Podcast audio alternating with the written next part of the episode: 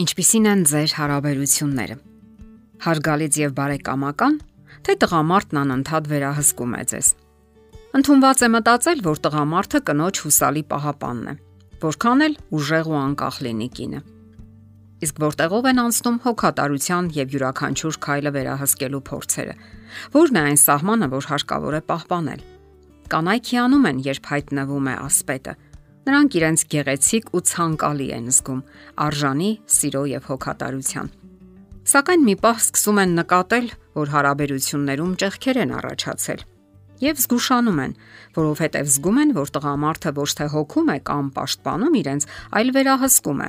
Նրանք, ովքեր լսում են այս հաղորդումը, հավանաբար արդեն շատ անգամ են հարց տվել իրենց այս մասին։ Սակայն պետք չէ քննադատել կամ դատապետել ձեզ։ Դուք ոչ առաջինն եք, ոչ էլ վերջինը այն միլիոնավոր կանանցից, ովքեր հայտնվել են նման իրավիճակում։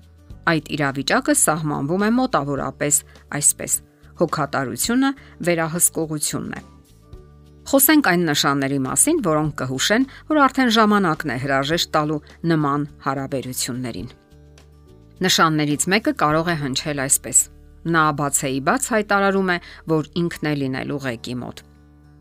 Սկզբում դա կարող է հրաշալի թվալ։ Եվ նա կարծես հոգատար տղամարդու տպավորություն կթողնի։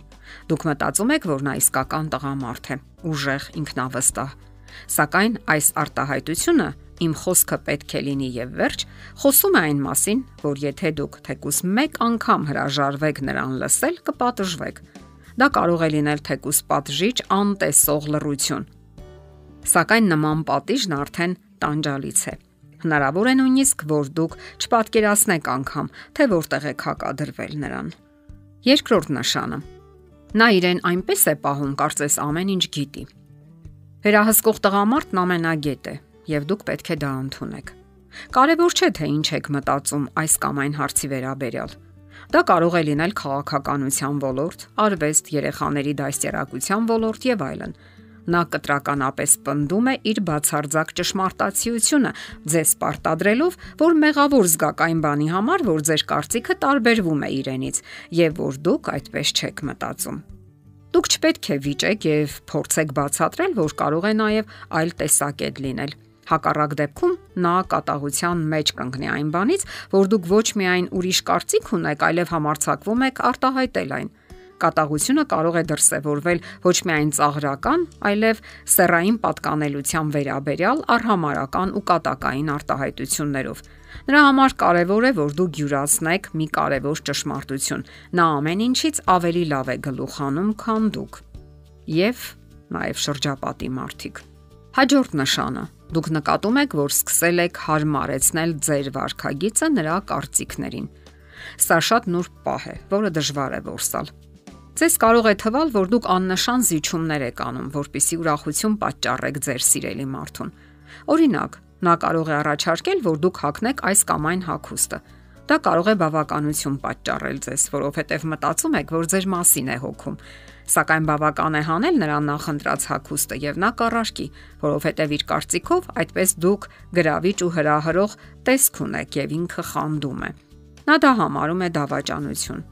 Երբ դուք խոսում եք այլ տղամարդկանց հետ, նա դարձյալ բորբոքվում է, որովհետև խանդում է։ Արդյունքը լինում է պատժիչ նեղացած լռությունը կամ թունդ վիճաբանությունը։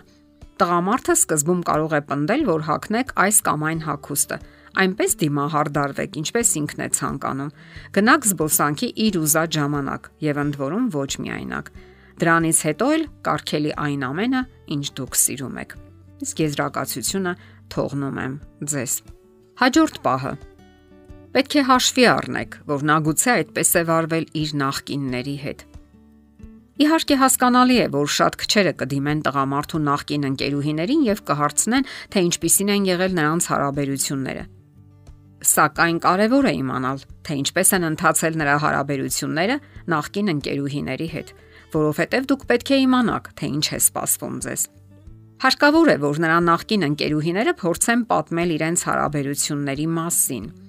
Նրանք դա անում են ոչ թե խանդից դրթված կամ վտանգավոր մարդիկ են, այլ մղվում են կանացի համերաշխության եւ ձեզ օգնելու ցանկություն ունեն։ Իհարկե բացառություններ լինում են։ Հարկավոր է լսել նրանց եւ չզարմանալ, տեսնելով, թե որքան նման են ձեր եւ նրանց պատմությունները։ Վերահսկող տղամարդիկ հաճախ լինում են խորամանկ։ Նրանք չեն գործում ուղակիորեն, այլ քողարկված։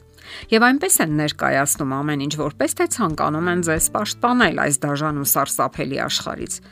Եվ երբ գիտակցեք դա եւ ուշացնեք ձեր որոշումը, արդեն դժվար կլինի դուրս պրսնել այն ճահճից, որի մեջ խրվել եք։ Բոլոր դեպքերում եղեք զգոն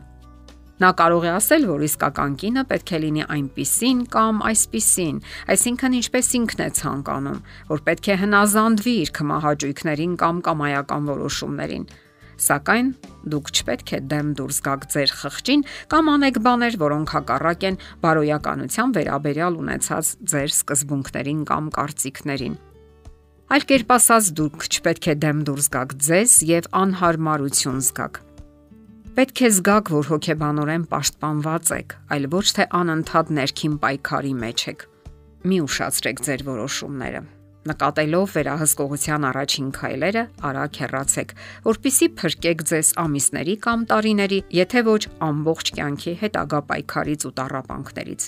Իսկ այդ պայքարն ամենայն հավանականությամբ ոչնչի չի հանգեցնի, եթե կտրուկ միջոցներ չձեռնարկեք։ Թե սիրո մեջ, թե յուրաքանչյուր հարաբերության մեջ հակադրությունները խոսում են կողմերի անհատականության մասին, եւ դա բնականon է։ Նշանավոր գրող Բալզակը գրել է. Սերը սովորաբար հակադրությունները գերադասում է նմանություններից։ Իսկ եթե հարաբերությունները լարվածություն են առաջացնում, ապա պարզապես պետք է դադարեցնել դրանք։ Դուք դա կարող եք անել հարաբերությունների ցանկացած փուլում, եւ այն էլ առանց խղճի խայթի։ Եթերում ճանապար երկուսով հաղորդաշարներ։ Ձեզ հետ է Գեղեցիկ Մարտիրոսյանը։ Հարցերի եւ առաջարկությունների համար զանգահարել 033 87 87 87 հեռախոսահամարով։